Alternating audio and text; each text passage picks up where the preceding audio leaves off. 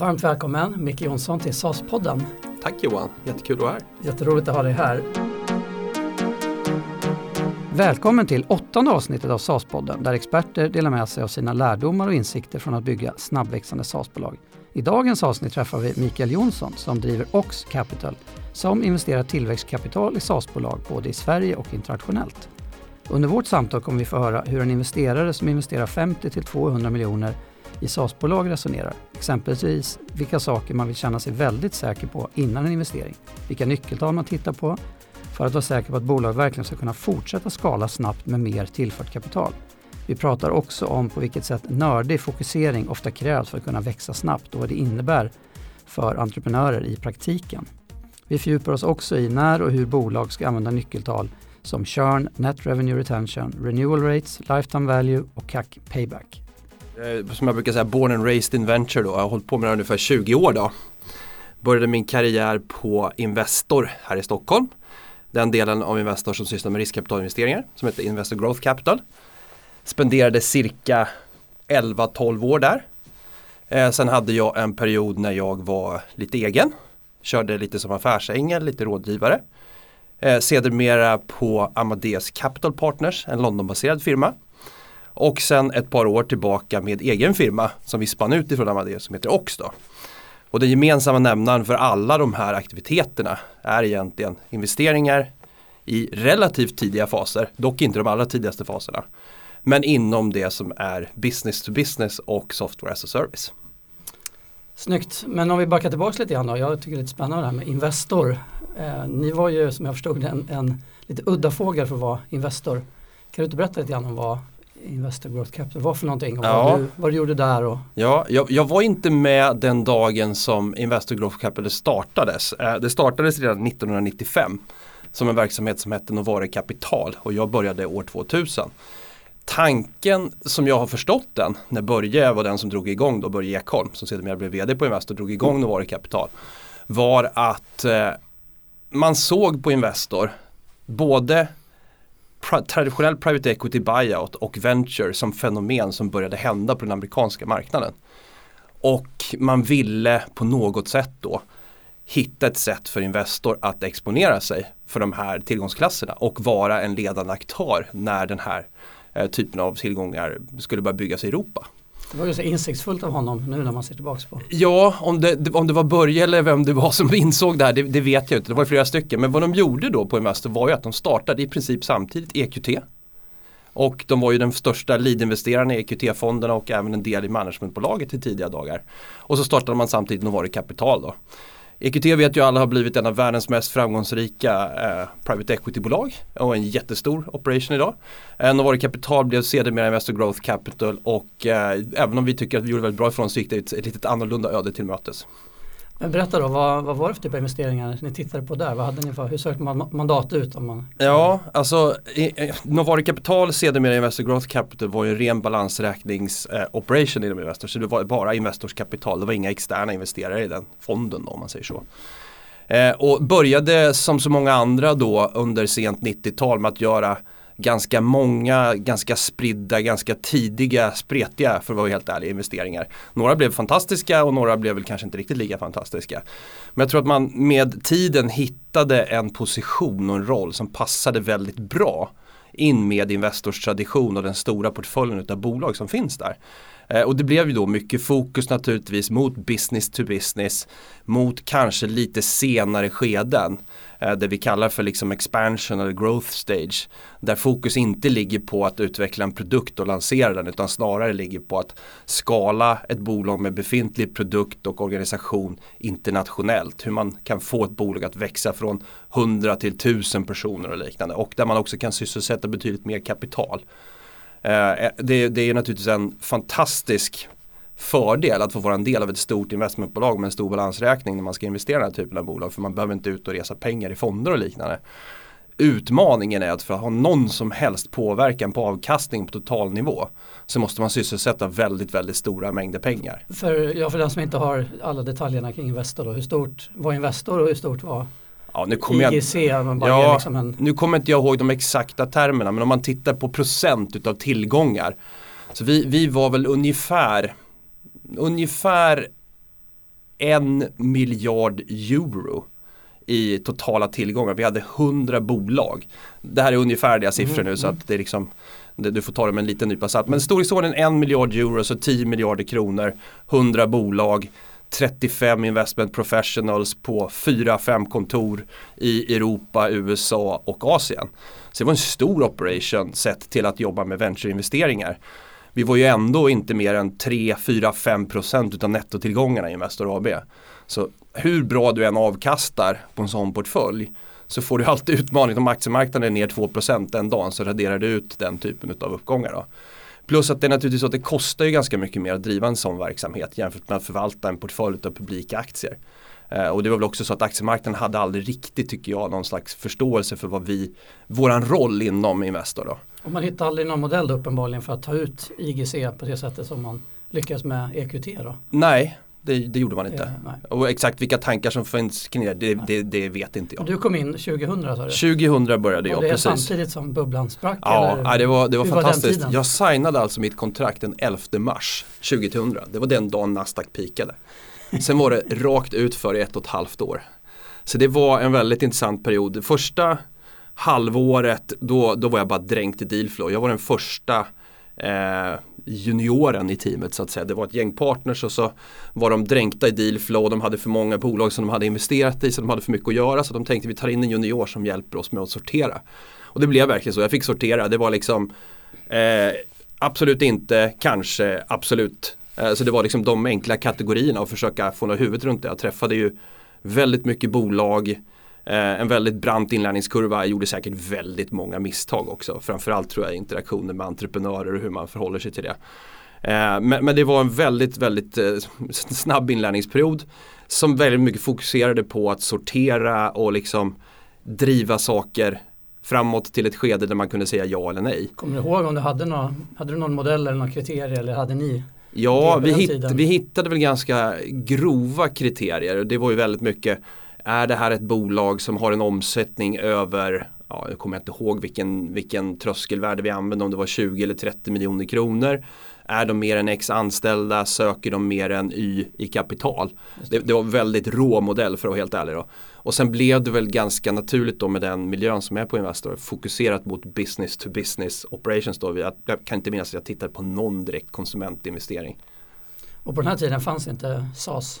Som begrepp? Nej, så, så som begrepp fanns inte. Det, fanns, det började komma någonting som är vad jag anser vara förstadiet till SAS. Då, det som kallas för Application Service Providers. Att man hade alltså en, en applikation som, som drevs någonstans eh, på en dedikerad server, förmodligen inte i något liksom renodlat moln. Eh, men där accessen skedde via publika internet. Eh, så det började hända redan någonstans 2000 skulle jag säga det här. Men det var ju ingen som visste att det här skulle bli den nya modellen för hur all mjukvara i princip skulle distribueras. Och hur såg affärsmodellen ut då? Eh, det var ganska olika de bolagen vi såg där. Att de flesta tog betalt per användare. Eh, det var några som var mer volymbaserade men de flesta bolag som jag såg då tidigt det var användardrivna modeller en projekthanteringsmjukvara kanske eller någon form av planering och styrningsmjukvara och liknande. Det var mindre volymdrivna saker som du ser idag som kanske är mer drivna av API-access då. Mm. API-paradigmen fanns ju i princip inte. Och, och, kan du säga någonting, att vi kan, kommer komma tillbaka till det med lite grann hur man skalar SAS-bolag men finns det någon, några skillnader eller likheter på, liksom, ni var ändå i skal skalfasen med era pengar. Ja. Vad, vad var det pengarna gick till i ja, de jag, jag, jag, tror att det var så att det var ingen som förstod riktigt att det var en skillnad på hur man bygger ett SAS-bolag i skala jämfört med ett traditionellt Enterprise-bolag i skala som säljer eh, ja, licenser då som, som körs internt i ett bolags IT-avdelning. Man, man, tänkte på i princip samma sätt. Eh, Online-baserade kundanskaffningsmodeller fanns inte. Utan det var en en inside eller outside säljstyrka som gick direkt och dängde väska i princip. Eh, oavsett om du sålde ett abonnemang eh, som betalades månadsvis eller om du sålde en licens som betalades eh, helt upfront för evighetsanvändning. Och naturligtvis unit economics i en sån modell blir ju fruktansvärt svårt. Om du tänker att sälja en licens där du får betalt X jämfört med att sälja abonnemanget som kanske ska ses över en horisont på 36 till 48 månader så du får en 36 del eller en 48 del. Det blir väldigt svårt att finansiera den typen av säljstyrka då. då. Eh, så det var väl först någonstans 20 jag menar, I USA så började SAS hända på riktigt allvar som jag såg det 25-26. Eh, I Sverige var det nog fem år senare och då först var det man började se bolag med liksom mer online-baserade acquisition-modeller som tänkte mycket mer kring funnen, hur man fick in kunder och intressenter innan man sen konverterar dem. Sen finns det ju många bolag, framförallt som säljer mot Enterprise, som fortfarande har direktsäljande personalstyrka men man, man jobbar ju inte på samma sätt att det här är människor som är ute och dänger väska kallt utan det finns en helt annan kvalificering innan man sätter in de här dyra resurserna. Idag menar du? Ja. Då? Mm. ja.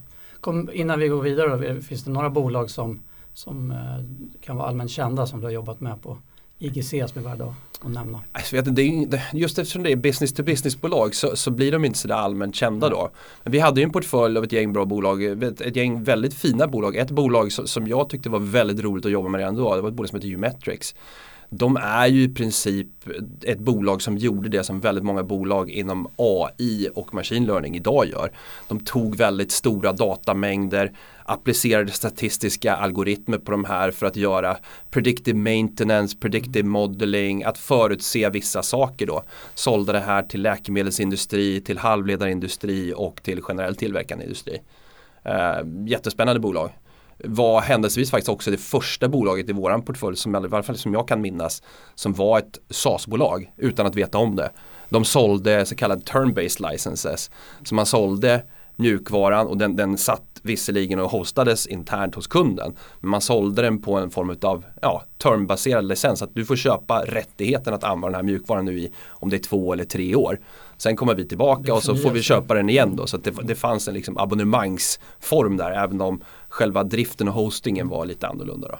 Intressant. Men det låter som en fantastisk, fantastisk start på en investerarkarriär att vara på, på, på IGC med, med hela den liksom, internationella liksom, utblicken och stort dealflow och, och se mycket bolag. Ja, men jag, jag tycker att det var en otroligt bra skola. Det är fantastiskt mycket duktiga människor. Man får ju lära sig otroligt mycket och jag måste säga att jag fick ett otroligt stort ansvar. Mm. Och det var ingen som sa stopp utan man fick liksom växa och ta, ta ansvar och, och, så länge man inte körde helt i diket så var det ingen som sa stopp. Eh, jag tyckte det var väldigt bra. Sen kan man ju fundera på om jag hade gjort om den här resan från början då hade jag nog gett mig ut och jobbat i en produktroll mycket tidigare. Det, jag tror att det är en stor fördel. Jag har under många, jag har fått jobba många år för att komma liksom i kapp tror jag. De människorna som har jobbat mycket mer produktnära, har drivit en säljorganisation, har jobbat med produktmarknadsföring eh, eller, eller utveckling till och med. Eh, jag har kodat lite grann i liksom förhistoriska tider men liksom aldrig riktigt jobbat med det. Då. Eh, så jag tror att det, det, är nog en ännu bättre väg om jag fick välja om. Men, men ja, alla vägar någonstans leder till Rom. Då. Mm. Och sen eh, lämnade du då Investor och eh, jobbade med Amadeus Capital. Ja, jag hade en period emellan där där jag var lite ängelinvesterare och rådgivare och styrelseledamot men blev ganska snabbt indragen i Amadeus Capital Partners då, som är ett engelskt baserat riskkapitalbolag. Eh, kände ju då Amadeus sedan ganska många år tillbaka. Vi hade jobbat tillsammans med dem på Investor. Investerat i Tobii här bland annat. Amadeus hade investerat i ett antal bolag här i Sverige. De hade investerat i Episerver, eh, de hade investerat i Edgeware, eh, investerat i eh, Transmode. Så flera bolag som faktiskt har blivit väldigt framgångsrika här i Norden då och eh, gått mot en IPO så småningom. Då. Eh, så det, det, är ju en, en, firma som har funnits länge, en av de få liksom, europeiska fonderna som har funnits med sedan mitten av 90-talet. Det är ett antal fonder och också tenderar att ha en väldigt stark fokus mot business to business. Eh, grundades egentligen kring techklustret i Cambridge i, i England. Eh, och en av grundarna där, Herman Hauser, är en, ja, får man väl säga, ikon i den brittiska texten. Han grundade ARM Computer vars referensdesign sitter i varenda mobiltelefon idag då, och liksom på den vägen har det varit för dem. Så att en ganska teknikfokuserad, business to business fokuserad investerare. Eh, och vi hade jobbat tillsammans på ganska många bolag. Vi hade tittat på väldigt många saker på Investor så försökte vi väldigt mycket att komma ut utanför Norden för att kunna sysselsätta liksom mer pengar. Då. Eh, och jobbade bland annat tillsammans med Amadeus på flera case där.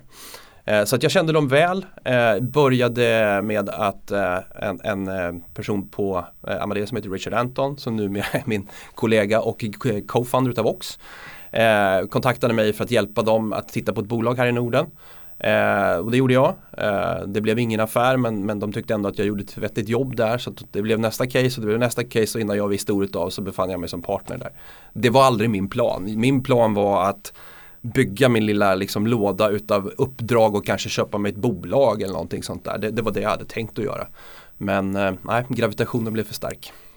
Och hur länge jobbar ni tillsammans då som, så, som Amadeus, du och Richard? Vi körde fyra år då på Amadeus. Så från i princip första januari 2013 officiellt, jag hade börjat jobba för dem tidigare då. Till eh, sista december 2016. Då vi spann ut OX ifrån Amadeus. All right. Så vad var, berätta mer då om OX som är ja, nej, men, som du har idag. Vad var tanken? Investeringsstrategin som vi byggde på Amadeus den, den, var väldigt mycket en fortsättning av det som vi hade hållit på med lite grann på, på Investor IGC här. Och det som, som Richard faktiskt hade gjort inom ramarna för Amadeus. Den byggde just på att investera i business to business, mjukvara, SaaS och att göra det i ett skede där vi då tyckte och fortfarande tycker att det saknas ganska mycket aktörer och kapital. Uh, det finns liksom rätt mycket pengar i väldigt tidiga faser som du känner till och det finns väldigt mycket affärsänglar, det finns små micro-VCs, det finns friends and family entreprenörer som vill investera. Och i senare faser så, så är liksom marknaden helt flush med, med pengar. Uh, stora amerikanska aktörer som vill in och vill sitta väldigt mycket pengar och, och, investera stora checkar. För den som inte är lika insatt som du och jag, om du bara ska exemplifiera det lite mer. Liksom, ja, belopp och fas för, för... Bolag som har det, det som har hänt inom, för att bygga business to business mjukvara, om man tittar på det idag jämfört med 10, även 15-20 år sedan. Det är så otroligt mycket billigare att bygga en produkt idag. Alla olika typer av open source-ramverk som du har, alla typer av molnbaserade tjänster som du kan använda dig av och den typ av online-distribution som du kan använda dig av för att få någon form av initial traction i det här. Då. Så det är väldigt mycket billigare att etablera en produkt och få den till någon form av kalla det product market fit då, eller vad du vill kalla det. Det kostar inte alls i närheten av vad det kostade för 10-15 år sedan. Så det skapas väldigt många fler bolag som kommer till den fasen.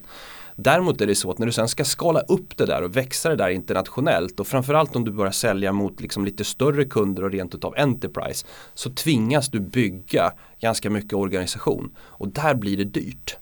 Eh, och där är det fortfarande så att det är ett gap i marknaden kring bolag som har kommit till kanske några, de kan vara 30-40 personer anställda eller någonting. De kanske har sådär en 20 miljoner kronor eller någonting i omsättning. Och de vill resa pengar för att bygga den här stora internationaliseringsverksamheten. Men investerarna som är intresserade av sådana typer av bolag de vill gärna att de här bolagen ska ha kommit till 100 miljoner i omsättning. De vill gärna att de är mycket, mycket större och där de här investerarna på grund av att de har väldigt stora fonder kan investera kanske 30-40 miljoner dollar. Och där finns ett stort gap att matcha det och det är där vi försöker spela då. Eh, på konsumentmarknaden så, så uppfattar jag inte riktigt att det gapet är lika stort. Eh, det verkar som att antingen investerar mycket mer sofistikerade eller, eller så är det en annan typ av risk-reward som man liksom ser det. Jag, jag, jag, vet faktiskt inte vilket det är. Spontant tänker man ju på konsument att de bolagen som lyckas de, det blir ju sån enorm skala på dem nu för tiden med, med liksom globalisering och de här plattformarna ja. som man kan dra nytta av, typ Facebook och Google och så vidare. Att träffar du rätt med en konsumentgrej då, då är det liksom 10 eller 100 ja, x en Enterprise mjukvara som kan bli fantastiskt men det blir liksom inte Nej, men jag tror också det är så 50 att miljarder dollar i värdering. Ja, det är precis som du säger och det är någonstans Det är en annan typ av tillväxtkurva. Men vi, vi, vi har en del, vi, kallar, vi, vi klassificerar våra case i liksom typ case. Och har väl en tre, fyra kanske olika typcase. Då. Ett av de här typcasen det är det vi kallar för late bloomers. Alltså bolag som kanske inte växer i tidiga skeden så som en konsumenttjänst, det vill säga exponentiellt där man växer från kanske en till liksom 10 miljoner till 30 miljoner till 100 miljoner i omsättning utan man kanske taktar på och växer 100% och 100% och 100% men där det går att hålla i den procentuella tillväxten även där de, liksom, talen börjar bli större. Det är ju någonting som funkar inom B2B på ett annat sätt än inom konsumenttjänster och om någon anledning då så de bolagen blir ofta liksom förbisedda. Kan du utveckla lite grann vad är det som ni tittar på och hur, hur säkerställer ni då att det där 100% kommer att liksom hålla i sig? För Ja. Det låter som att ni letar efter, man vill helst att den här relativa tillväxten ska hålla i sig så länge som möjligt. Nej, men vi, Men den kräver pengar. vi, vi, vi, är, vi investerar ju liksom, om, om jag börjar med att klassificera de typer av bolag Mm. som vi investerar i. Jag menar, late bloomers, det vill säga sådana som kanske inte är de största talangerna utifrån hur, hur riskkapitalvärlden ser på det då utan som, som levererar bra, som bara fortsätter att takta på men kan göra det även när liksom talen blir lite större. Men de ser inte sådär fantastiska ut kanske år 3, 4 eller 5. Men däremot år 10 kan det se ut som ett helt fantastiskt bolag. Det är ju ett typcase som, som vi jobbar med. Den andra typcasen är, det, det är lite det som jag beskrev förut här att det finns ett ganska stort gap i marknaden mellan bolag som, som reser sin kanske första externa serie A-runda och när man kan resa en riktig Series B-runda från en ledande internationell aktör. Om en Serie A-runda idag är någonstans kanske 50 miljoner kronor för de flesta bolagen här omkring. Den är typiskt större i USA, kanske även i Europa nu, men, men någonstans, låt, låt säga 50 miljoner kronor. Det tar sällan ett Enterprise-fokuserat bolag hela vägen till en B-runda där man behöver en omsättning på någonstans 100-150 miljoner kronor och kan ta emot en investerarcheck som kanske liksom kan komma på 300-400 miljoner kronor. Där är ett gap där det behövs mer kapital.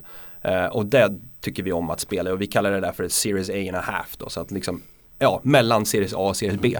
Att hjälpa just den här typen av Enterprise-fokuserade SaaS-bolag att ta sig eh, över det gapet. De, de har så att säga gjort en, kanske en A-runda, kört på ett tag. Antingen bootstrappat och tagit sig till den punkten, de har gjort en A-runda, de har liksom växt på något sätt men de är inte riktigt där för att göra en Series B. Kanske kan göra en Series B men inte en riktig Series B som den definieras idag, framförallt inte med en ledande internationell aktör. Då.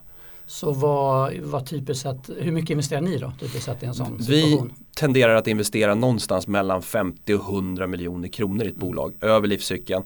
Initialinvestering brukar ligga runt 50 miljoner kronor. Och, och vad tittar ni efter då på det förutom det som du nämnde nyss då, om vi nu tar lite SAS fokuserat här liksom. Vad, vad ska vara på plats och, och vad, eh, vad får ni inte vara osäkra på? För Ja, nej, men vi, 50 vi, vi, vi får ju ofta den frågan och och det, det är många säkert entreprenörer som blir lite frustrerade på oss. Eh, men för det börjar ju alltid någonstans med en övertygelse om ja, det gamla vanliga.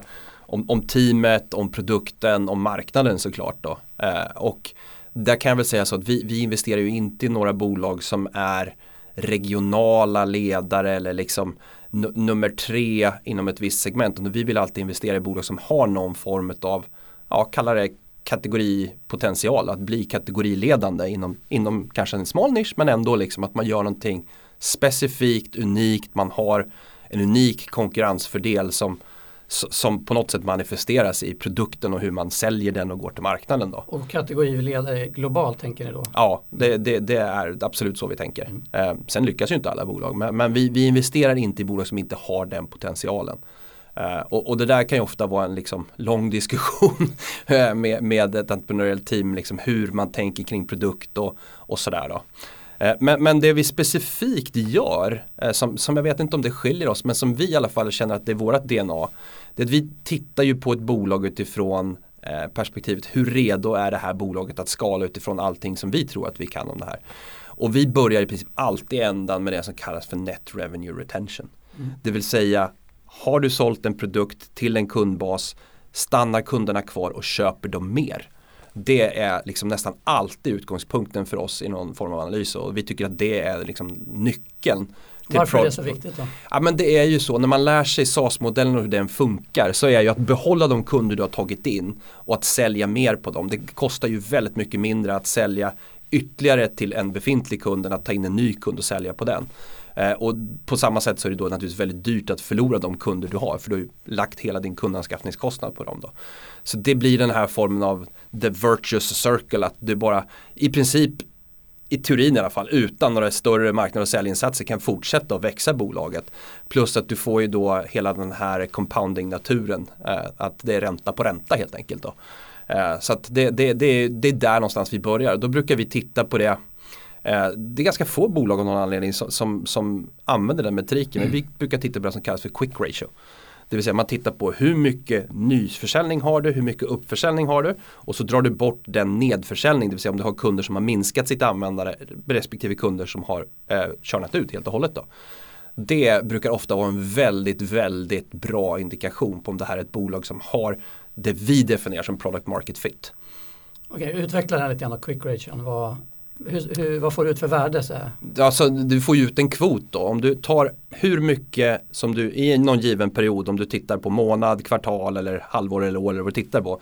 Så får du ut en kvot mellan din totala nyförsäljning plus din totala uppförsäljning. Dividerat med din totala nedförsäljning, det vill säga hur mycket kunder minskar sitt användande och eh, din totala churn, det vill säga hur många kunder som har lämnat. Hur skiljer sig det nyckeltalet från net revenue retention? Då? Eh, alltså net revenue retention brukar bara vara en procentsats på hur mycket av de intäkter du har i ingången av perioden behåller du i utgången av perioden. Det här blir en kvot eh, och då finns det liksom riktlinjer, du kan läsa massa olika bloggposter mm. men någonstans kan du lägga den kvoten på tre eller mer. Då har du liksom en väldigt lönsam basbusiness som det är värt att lägga väldigt mycket kundanskaffningskostnad på om du kan behålla den. Vissa bolag som, där vi klurar på det här, eh, då krävs det fortfarande ganska mycket produktutveckling för att få till en hög ja. Eh, retention. Ja. Hur brukar det se ut när ni investerar? Måste den vara så säga, klar att, att skala eller kan ni betta på att det kommer mer produkt framåt för att driva den där ja, men det, försäljningen? Ja, en jättebra fråga för det, det är ju alla de här liksom effektivitetsmåtten kring kundanskaffning och livstidsvärde och så här gör ju någon form av implicit antagande om vad som händer längre ner i resultaträkningen där ofta produktutvecklingskostnaden ligger. Och många bolag är ju inte så här jättenoggranna och helt korser med var man lägger vissa kostnader och det, det kan ju vara väldigt mycket liksom kundsupportande kostnader som ligger längre ner som egentligen borde vara en direkt kostnad för produkten då som, som för att man kanske har översålt någonting och sådär. Nej men vi, vi har väl en eh, återigen tillbaka till vilken typ av bolag vi investerar i. Inga av våra bolag har eh, en försiktig produkt uh, uppskalningsinvesteringsstrategi. De tenderar att spendera väldigt mycket pengar på produktutveckling och fortsatt produktutveckling. Uh, sen kan jag inte ge dig något exakt svar på procent av revenue eller av någonting annat så men vi, vi, är, vi är väldigt väl införstådda med att de bolag vi investerar i kommer att fortsätta spendera mycket pengar på produktutveckling. Eh, däremot så tittar vi ju väldigt mycket på liksom mognaden i produkten, det vill säga hur, vad har du för användare i produkten, vad har du för performance i produkten, vad har du för outages, vad har du för tech debt i produkten så att det inte liksom om vi investerar, allokerar en viss summa till investeringar som är framåtriktat, att allt går till att liksom laga det som är trasigt. Så att säga. Det, det händer ju tyvärr att det är rätt mycket tech debt som finns i de här bolagen. Ja men absolut. Och, eh, men vi har ju varit inne på lite olika nyckeltal då. Ska vi fortsätta med det kanske? Vad, om du skulle rådge här SAS-entreprenörer som kanske har, är lite tidigare på skalan än vad det är ni investerar. Vad, det är lätt att drunkna liksom i, i ja. nyckeltalen här. Man ska försöka sortera upp det lite grann. Ja, men jag tycker att det, har, det är också så här, det, de senaste fem åren så har nästan alla SAS-team lärt sig vilka metriker det är som liksom gäller.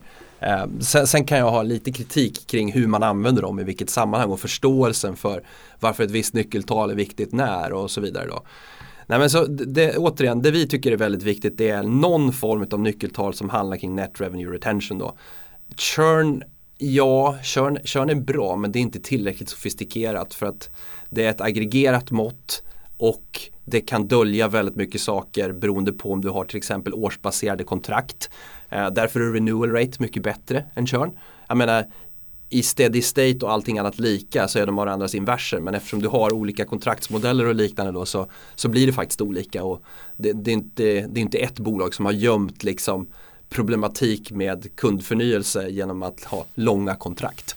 Uh, så, så det är ju en sån här typisk grej då. Uh, jag Livstidsvärdet på samma sätt då blir ju Ja och det, det, här är väl liksom det kanske alla, alla säger att vi har, vi har en, en, en LTV till CAC som är 5 eller 6 eller 7 eller 100. Uh, och det är ju jättebra. men nästan alltid så bygger det på att Först och främst om man tittar på matematiken rent hur den här då eh, Eh, exponentiellt förfallande liksom, modellen ser ut med, med churn och hur den påverkar livstidsvärdet. Så den är otroligt känslig för förändringar i churnraten. Och är du ett bolag som har sålt i din hemmamarknad eh, till en viss typ av kundbas och sen ska skala upp det så har du ärligt talat väldigt liten aning om vad din churnrate kommer att vara. Eh, så det tycker jag är en sån här grej som man, man ska ta med sig. Därför tycker vi i regel Självklart, har man kommit till liksom en nivå att du börjar ha en omsättning på 50 till 100 miljoner, du har funnits i ett antal marknader ett tag, du, du har liksom en etablerad säljorganisation, har skalat upp den. Då blir det mer och mer relevant. Annars tycker vi att det som, som brukar kallas för CAC payback är, är ett bättre mått. Eller säg så här, det är inte nödvändigtvis bättre men det ger inte särskilt mycket att titta på LTV till CAC jämfört med CAC payback. För att det är ett snabbare mått, ett enklare mått och hela din LTV-kalkyl blir ändå väldigt hypotetisk i tidiga skeden. Så hur länge, om vi tänker oss då bolag, för det är ju ändå rätt populärt idag att man, man vill ha 12 månaders kontrakt, ja. man får kunderna ja. köpa in på det ja. och de kanske till och med betalar upfront, ja. vilket är fantastiskt för, för cashflow. Men hur många år då ska man haft kunderna innan man kan börja känna att ja, men det, jag, ja, siffran faktiskt ger någonting? Och där tycker jag att renewal raten är mycket bättre. Om du tittar på, och det är också en sak, så vi tittar ju aldrig på aggregerad nivå, på resultaträkning, vi tittar alltid på kohorter. Kohorter utav kunder som vi slicear och dicear och liksom definierar utifrån vad vi tror är rätt och det kan vara allting baserat på vi kan skära det baserat på kontraktstorlek Eh, Eh, vi kan skära det baserat på geografi. Vi kan skära det baserat på vilka produkter i produktportföljen de köper. Det finns oändligt många varianter på kohortanalys. Men jag tror hela poängen är att man ska göra den här analysen på kohortnivå. Gör man inte det så går man ganska fel. Eh, och det tror jag väl är en sån här sak som, som bolag ibland blir lite frustrerade på. Så att vi är ganska vi är rätt detaljerade kring det här och hur vi liksom försöker angripa det. Då. Samtidigt så tror jag att de bolag som, som verkligen gör det ser ju verkligen värdet i det. Och det är ett väldigt bra sätt att på något sätt hitta rätt segment att fokusera på. För är det någonting som jag tycker de flesta bolag gör fel så är det att man går alldeles, alldeles, alldeles för brett. Om det är baserat på vilken typ av storlek på kund det är, om det är baserat på vilket use case kunden har, om det är vilken liksom, industri den finns här. Man, man, man tenderar att vara väldigt bred för man tror att det är en väldigt stor målmarknad och det ger väldigt mycket optionsvärde. Problematiken med det är att det skalar inte. Det är jättesvårt att skala ett för brett erbjudande. Så om man i tidiga faser är väldigt bred för man är sökande och man vet inte exakt var, var har vi product market fit och vad är våran liksom, fokussegment. Då måste man när man kommer till det här scale-up stage som vi jobbar i välja och välja bort. Och det är ofta ganska traumatiskt för många bolag att göra. För du menar att man tjänar in tydligheten i i uppskalningen? Ja, det, det, är väldigt, menar, när du ger dig ut på någon internationell marknad, då, oftast så är det ju så här, om vi tar Norden som exempel, det är, det är många jätteduktiga techteam här, bygger en bra produkt, de säljer produkten i sitt nätverk och de tenderar att liksom ha väldigt mycket referensbaserad försäljning. Sen så ska man ta steget utomlands och, och liksom för våra bolag tenderar det ofta att vara fokus på USA, kanske med ett mellansteg i, i UK eller någonting sånt där. Och det är otroligt svårt att tränga igenom bruset där om du inte väljer att vara laserfokuserad. Om du är en liksom plattform för whatever, uh, customer experience plattform eller liksom AI machine learning, uh, low code plattform eller vad Den där typen av liksom ganska generella erbjudanden har ingen chans i de här marknaderna ska jag säga. Man måste vara mycket, mycket mer fokuserade. Jag kan och, tipsa om det och den som inte har lyssnat på våra tidigare poddenavsnitt så har vi ett avsnitt med Johanna på Quinix ja. som berättar om när de skulle bryta in i England. Ja. Och där finns en del intressanta lärdomar. Ja men det är ju verkligen så att välja nästan liksom, det, det, var någon som sa till mig att du ska liksom välja ett segment som är så smalt så att oavsett hur det liksom definieras så kan du bli champion i det segmentet. Och liksom det, det, är verkligen så viktigt att göra det. För om du ska skala så måste du ha så otrolig tydlighet. Vad är ditt value proposition till kunden? Varför ska kunden ta liksom ett bett på att du som är ett helt okänt bolag kan, kan lösa dess problem mycket bättre? Samma hela sak. poängen i den här uh, Crossing the Chasm. Ja, boken, och det, att, Crossing the Chasm är ju en bok som jag skulle rekommendera till alla. Den är ju liksom, den är väl 30 år på nacken nu men den är mer aktuell än någonsin. Mm. Den är helt fantastisk i bemärkelsen att Välj någonting, gör det riktigt, riktigt, riktigt bra. Var så nischad så att du nästan blir nördig. Och sen gör du det bra och sen kan du skala utifrån det. Alltså det blir som en, om man tänker sig som en, en fluga, alltså en, en herrfluga som man har på, på, runt halsen. Att ganska bred liksom fokus som smalnar av mot mitten när man skalar och sen så kan den liksom bredda ut igen då. Intressant. Det tror jag liksom är modellen där. Modell. Och det är samma sak när du ska anställa människor. Att anställa säljare som ska skala och försöka sälja någonting. Om du har en bred plattform som kan funka lite här, funka lite där och liksom för den kunden och för den kunden och för den kunden. Det blir alldeles för svårt att hitta säljare som klarar att sälja en sån produkt.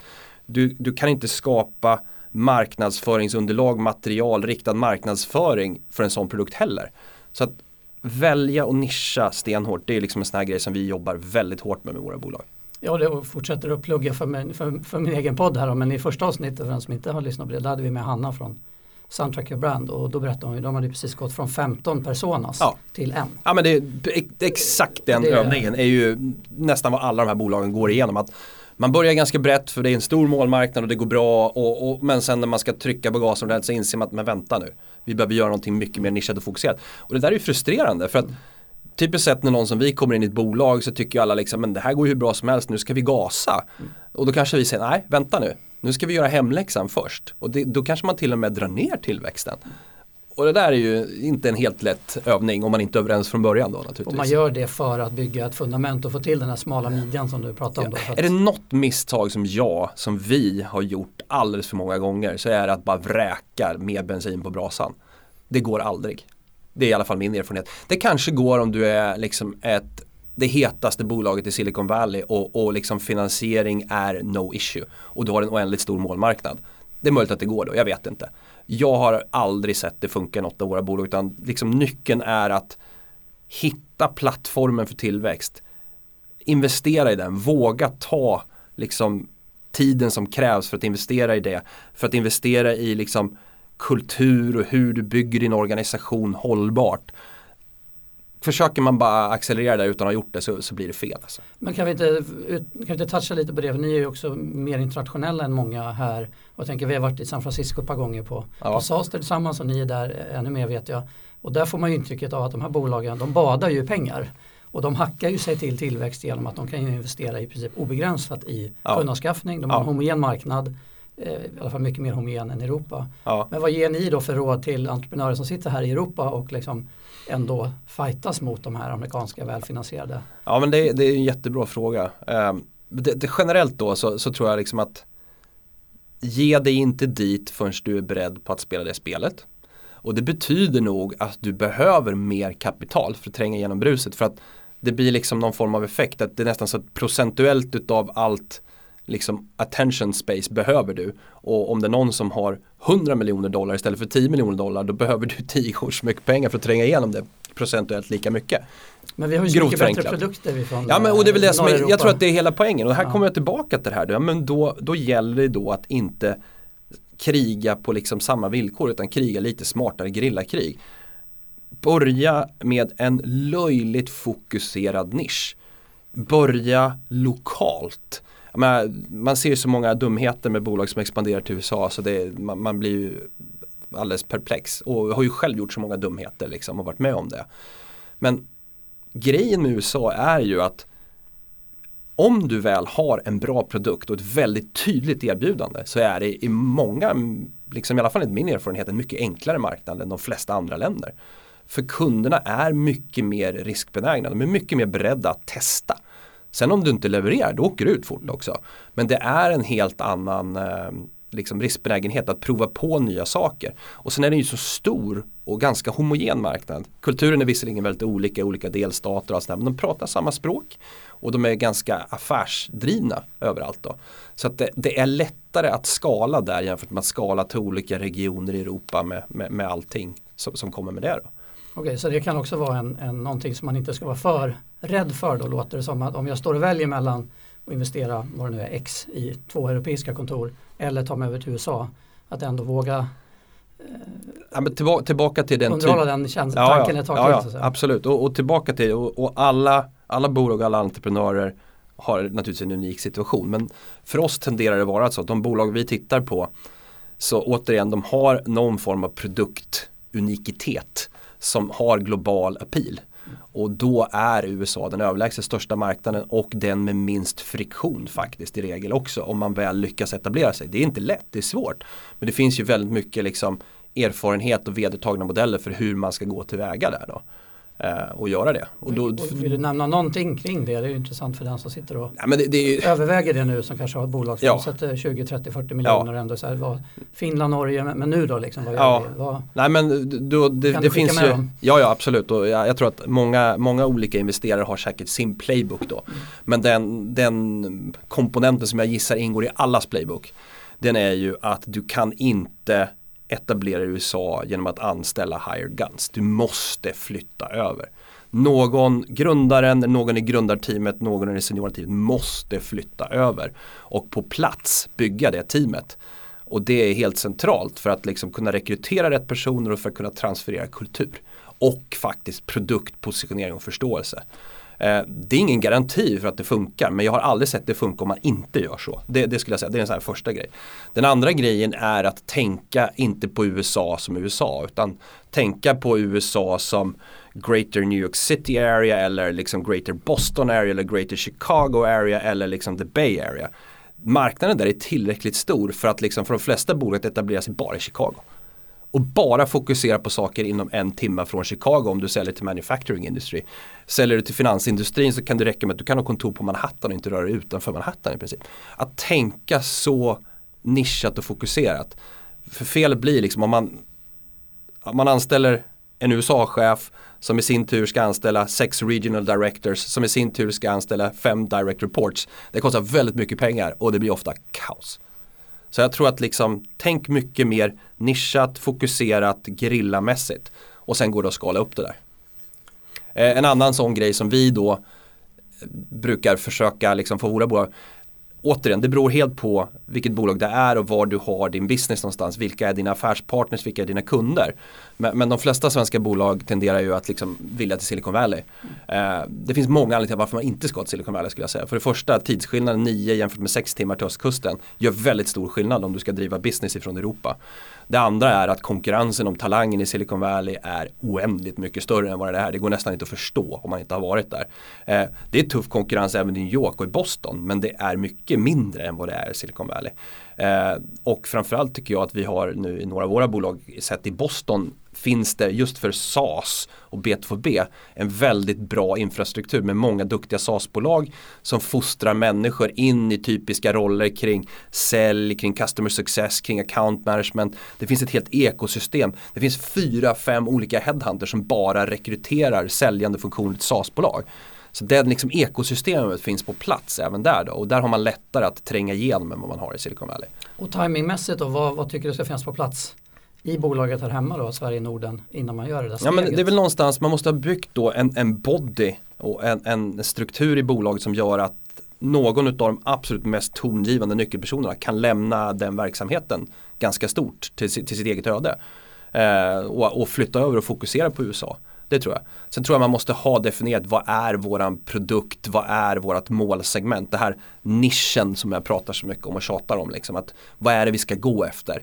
Eh, sen, sen är det ofta så att den typ av leadgen som funkar i hemmamarknaden den får man revidera. Det, det, kan vara helt andra typer av lead program. Det kanske inte alls funkar med, eh, har du tur och om du är ett bolag som säljer en, en produkt som ser likadan ut oavsett var i världen du är, då kanske det funkar med helt onlinebaserad acquisition-modell och den är samma där. Men om du inte är det så kanske det liksom är helt andra typer av inside sales-drivna eh, processer som ska liksom eh, köra det här då med outbound-strategier kring hur du når dina kunder och liknande. Och, och jag antar att man inte vet det? Eh, man måste, man måste, man nej, nej, det, det, fall vår erfarenhet är så att det, det, är liksom väldigt svårt att säga exakt hur det ska gå till. Så du måste ha någon form av den första delen av etableringen handlar om att liksom fundera ut de här sakerna och ta reda på exakt det. Så man har om, om, man, om man startar dag ett och bara blåser på sig, nu ska vi köra på det här, då kan man ofta gå ganska fel. Det finns någon form av business development fas där på kanske sex månader eller någonting sådär innan man vet.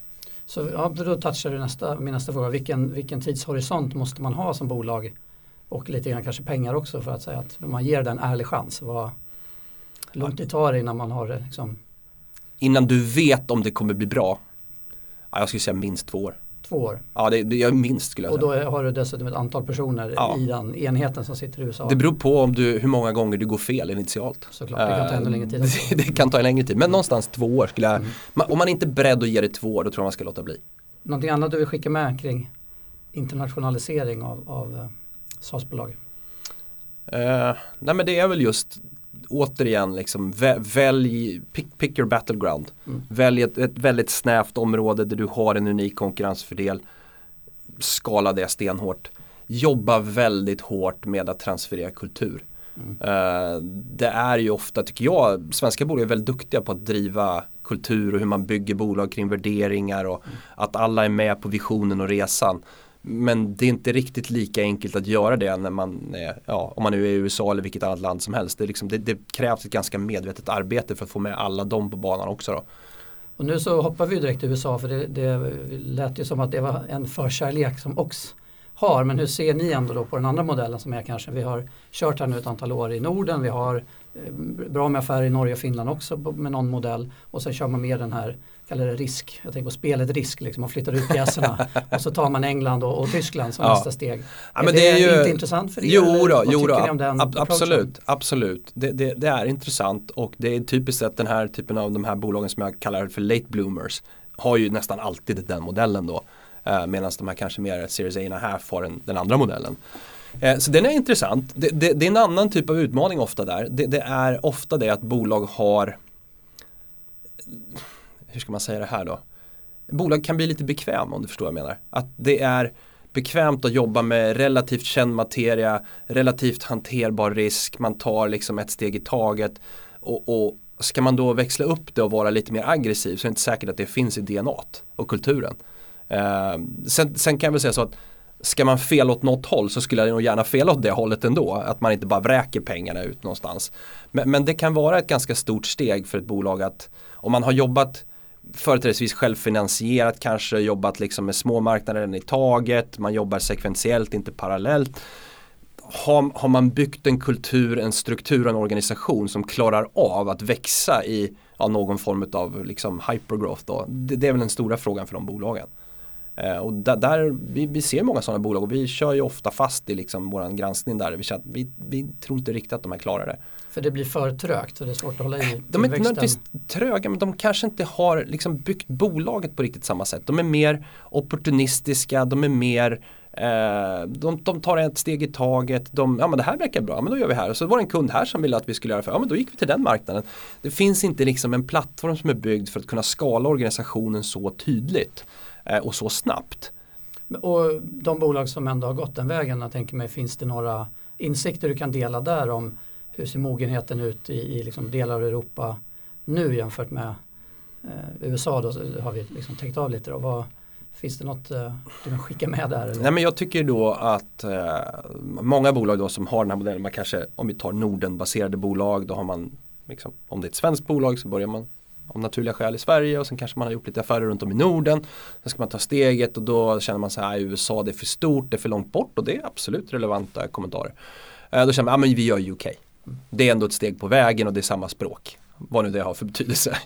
Men, men det som är med UK, som, som i alla fall min erfarenhet, att det är i mångt och mycket en svårare marknad än USA. Dels för att det ligger så nära, alltså alla tror att det är som hemma, vilket det inte alls är. Det är fullständigt annorlunda kulturellt. Eh, och eh, dels för att det är jämfört med USA i alla fall, väldigt mycket med the Old Boys Network. Det är jättesvårt att tränga igenom och liksom få chansen. De är mycket mer konservativare som köpare där. Eh, återigen, det där går ju att adressera genom att vara återigen laserfokuserad och ha ett ännu bättre kunderbjudande. Men då har man ofta bättre bang for the buck i USA. Eh, om man ändå ska göra det. Sen, sen, kan det vara så att det finns skäl men, men det tror jag också är att anledningen till att det blir så svårt för många bolag att etablera sig i UK är att man tror att det går att köra UK på, med vänsterarmen från någonstans i Sverige eller något liknande. Och i alla fall min erfarenhet att det går inte. Det tar bara en timme att flyga dit. Ja men det återigen, det är det här med att vara närvarande, att rekrytera personerna på plats, att transferera kulturen, mm. att vara med i kundmötena och sätta liksom produktpositioneringen. Det är nästan ett heltidsjobb även där. någon annan, finns det någon annan, någon annan marknad som är mer lågt hängande frukt? Liksom, vad, skulle du råda att, att man tar en annan tur ner över Tyskland och Holland? Nej men det, jag tror så här att för, för många bolag som är eh, Beneluxländerna är ju intressanta ur ett perspektiv att om man nu är ett nordiskt bolag och ska liksom bevisa att vi kan göra något utanför Norden. Då skulle jag nog lika gärna tycka att Benelux är ett bra liksom, test på det som UK. Det, det är en eh, mer mottaglig kultur skulle jag säga där. Och lättare att etablera sig där. Den är mycket mer lik Norden eh, i den bemärkelsen. Och jag tror inte att steget om man nu ska till USA så småningom är mycket större om du har gjort Benelux än om du har gjort UK. Ja, samtidigt låter det som att om man nu ska skruva upp svårighetsgraden för sig själv så kanske det är viktigare att sätta den här tillväxtplattformen genom att knäcka England och verkligen visa att vi har lyckats Ja, knäcka en nej, annan och- kultur. och återigen- för det är så mycket svårare. Ja. Nej, och, och någonstans tror jag så här, kan man knäcka England då kan man knäcka USA. Jag är rätt säker på det. Mm. Det är, ja faktiskt. Det här med värdering då, kan vi inte Ja. uppehålla oss lite grann vid det? Det går ju såklart att värdera bolag på massa olika sätt men om man ska ändå ehm, Man hamnar ju där med alla entreprenörer och investerare man funderar på liksom, vad, vad är prislappen på de här bolagen? Hur, hur ser ni då på där, där ni är och, och vad Ja, tittar ni vi- efter och ungefär hur liksom? Ja. Nej, men vi, eh, vi, vi förlorar ju affärer ibland baserat på värdering för vi försöker hålla någon form av disciplin kring hur vi tänker på det och inte bara liksom bli mer ryckta i att ja, men någon någonstans i världen är beredd att betala X då. Eh, och, och det är inte för att vi är snåla eller för att vi inte vill betala någon viss multipel eller att vi ska liksom vara duktiga och betala för lite eller något utan det är mer att vi, vi tittar på vad tror vi att det här bolaget kan liksom göra på en rimlig horisont. Vad tror vi att det kan bli värt? Och så räknar vi baklänges och tror vad kan vi få för avkastning och vad implicerar det för värdering som vi kan betala idag.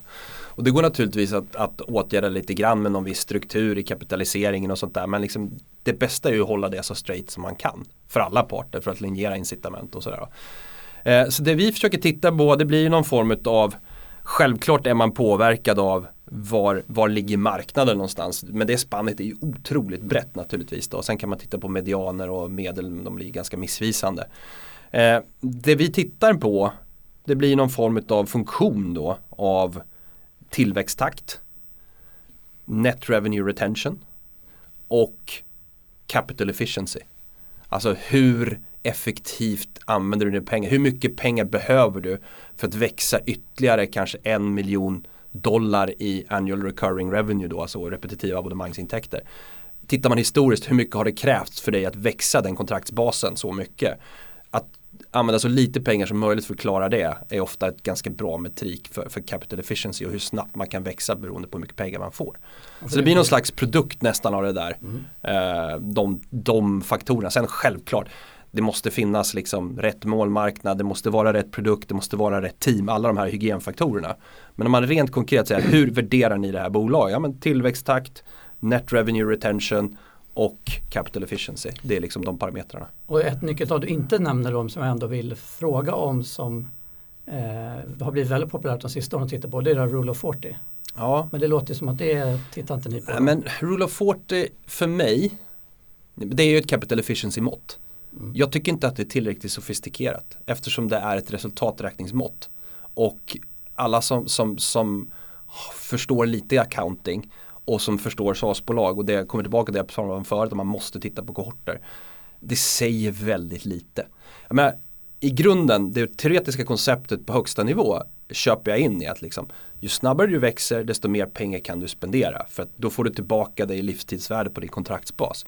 Men eh, ta exemplet på ett bolag som har en rule of 40 och rent resultaträkningsmässigt gör samma resultat som ett annat bolag där det första bolaget säljer kontrakt på månadsbasis och det andra bolaget säljer kontrakt på 12 månaders basis och får betalt för alla de pengarna upp front.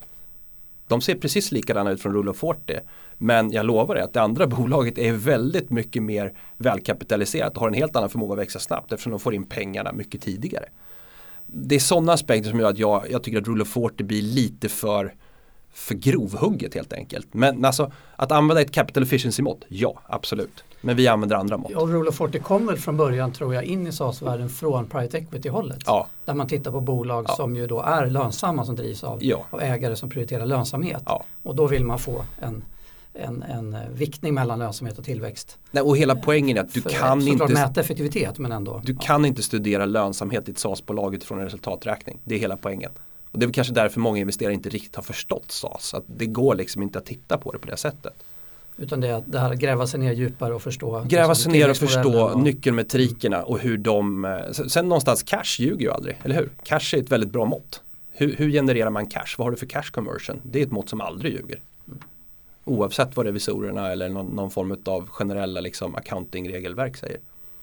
Men, men eh, ska vi försöka säga någonting liksom i vad, vad multiplarna om, du ändå ska, om vi säger så här då, de, de, de, eh, om jag som entreprenör kommer till dig och säger så här, ja men de, de bästa eh, liksom de noterade SaaS-bolagen ligger ju ändå någonstans runt 10, 12, 14 gånger Ja. sales. Ja. Det, tycker jag att ja, vi kanske vill ge lite rabatt på det då. Ja. Så, så 10 då Ja. kan du få köpa mitt SAS-bolag på. Vad, vad blir liksom din respons då? Ja, men min respons blir väl att liksom, okej låt mig titta på din underliggande kunddata och se vad den säger mig. Uh, vi, vi uh, återigen, som jag säger, det är inte så att vi säger att vi, vi, vi har ingen specifik multipel som vi säger att vi betalar bara X liksom, eller bara Y utan vi har ett spann. Vi, vi har betalt liksom en multipel på tre gånger ARR i vissa bolag och vi har betalt uh, ja, upp mot tio i andra bolag. Och det beror helt och hållet på hur alla de här mykra. Sen är det ju som liksom om man betalar upp tio gånger ARR då vill man ju ha väldigt, väldigt gott förtroende för att det här bolaget ska fortsätta växa 150% så att den implicita multipeln om 12 månader ligger någonstans runt 4-5. Just det. Så det blir också en sån dynamik i den Så ju resonemanget också. säkrare ni är på Ja. var man kommer landa Ja. på om ett till två år. Desto högre kan man betala för ARR än idag. Det, det, är, det är liksom återigen tillbaka till SAS och hur SAS funkar och hur den compounding nature. Så har du väldigt hög tillväxt i kombination med väldigt hög net revenue retention då är det nästan programmatiskt. Och det är det som driver upp värderingarna för den som Yes. inte förstår varför. Vi kan bara titta på svenska Ja. SAS-bolag på börsen. Det är ett par stycken där som har Ja, på pappret häftiga värderingar. ja, Men de växer också ganska linjärt Ja. och liksom har gjort det länge. ja, Så du vet egentligen eh, om några månader eller några år vet du ganska ja. med, med liten eh, Allt annat konferensintervall. ja. Du har någon form av Smalt. konfidensintervall där och smalt, ju snävare du kan göra det liksom så. Ja, desto mer beredd att betala för det. Ja. Åtmin- Åtminstone så länge räntan är låg så att din alternativ liksom avkastning på att ja, jag kan lika gärna låna ut pengarna ja, i 18 månader för de kommer åtminstone vara värda ja. lite mer här borta. Mm. Ja, det där är också en intressant eh, aspekt om man tänker på publika marknader och även tror jag hela venture och private equity-marknaden hur driven den är utav lågräntemiljöerna. Mm. Men det kanske är en fråga för en annan podcast. Jag tror det. Jag tror det. All right, jag tror vi har, vi har ju tagit in massor med spännande grejer här men en rolig fråga att alltid ställa till investerare det är ju sådär om du har något bolag i en antiportfolio något bolag som har passerat förbi dig som, som du har tackat nej till som du ibland ligger sömnlös över. Jag har själv några stycken men det är ingen som jag får ta det i en Nej. annan podd. Sö- Sömlös vet jag inte. Jag tänker nej till Spotify. Eh, vi, vi pratade om det, men det, det, det var ingen jättebra fit med vad vi höll på med på Investor. Det var liksom för hög risk-reward och jag menar Crandom North som gjorde den och all credit till dem då, alltså att de såg det. Och det, var, det är en fantastisk resa och ett, Ja. ett magiskt bolag på många sätt och vis. Eh, men det var inte en bra fit för oss. Eh, Skype, eh, ett annat bolag som vi hade också lite svårt att hantera i liksom den, den struktur som vi hade där och då och hur, hur vi tänkte kring det. Eh, om man tittar mer business to business fokuserade bolag där jag har gjort signifikant jobb men inte fick vara med så är det ClickTech.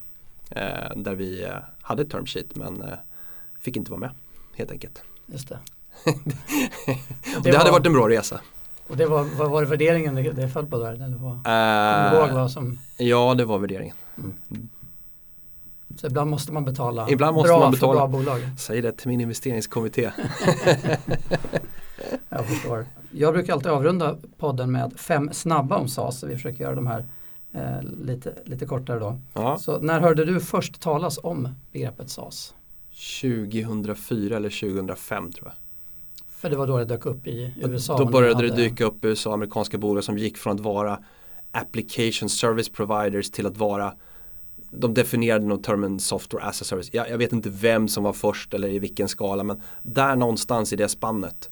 För Salesforce startade väl 99 eller 00? Salesforce startade 99 och det var ju No Software var ju deras stora grej. Mm. Eh, och sen, men det, det var väl, det, det, jag tror du har rätt i det, det var väl de som var liksom den stora elefanten som, som ledde hela, hela liksom tåget för software as a service. Sen, sen exakt när man sa software as a service, ja, 24-25 skulle jag vilja säga. Eh, Om du skulle välja en av den största fördelen som du tycker med SAS som affärsmodell? Nej men det är ju att du har en repetitiv abonnemangsintäkt. Att du får en compounding nature att liksom gör du inte bort dig så kommer din business att fortsätta växa. Eh, det är en otrolig inneboende lönsamhet i den modellen och den är, den är förutsägbar dessutom. Och vad önskar du att du hade förstått tidigare om SAS som du vet nu? Eh, att, eh, att inte alla bolag som kallar sig för SAS är lika. Just det här som jag kommer tillbaka till att du kan inte utvärdera ett, bol- ett SAS-bolag från resultaträkning. Du måste gräva dig in i kohorter utav data. Och väldigt mycket kring hur din kontraktstruktur ser ut. Att många som kallar en, en intäkt för en SAS-intäkt. Den är kanske helt och hållet volymdriven och kanske inte alls så repetitiv och förutsägbar som man tror. Det, det är lite mer sådana saker man vill lära sig tidigt. Och vilken är den bästa SAS-produkten som du själv använder till vardags? Här är nog världens tråkigaste svar. Jag kommer säga Fortnox. Av den enkla anledningen att det har förenklat mitt liv något så brutalt. Eh, framförallt med liksom kvittoadministration och alla de bitarna, hur man kan sköta det via mobilen. Eh, självklart alla konsumenttjänster som Spotify och sådana här saker är ju, är ju liksom magiska. Men om man ska säga en renodlad B2B SAS-tjänst, då skulle jag säga Fortnox. Underbart, underbart. Och eh, har du något tips på vem du skulle önska att få lyssna på här i SAS-podden? Ja, jag skulle då, och återigen, nu är jag lite biased här då, men jag tror någon som jag tror skulle vara väldigt, väldigt intressant för folk att lyssna på är Fredrik Skanse. Som är vd och grundare utav Funnel. Eh, och för, för, full disclosure så är vi investerade i Funnel men det är ett helt fantastiskt bolag. Fredrik är en otroligt stark entreprenör med väldigt lång erfarenhet och de bygger ett jättefint bolag. Jag tror det är många som skulle uppskatta hans klokhet. Stort tack Mikael för att du var med oss här idag på SAS-podden. Tusen tack Johan. Tack för att ni har lyssnat på det åttonde avsnittet av SAS-podden. På www.cloudcapital.se snedstreck SAS-podden hittar du alla avsnitt av podden. Jag heter Johan Krona, om två veckor är podden tillbaka.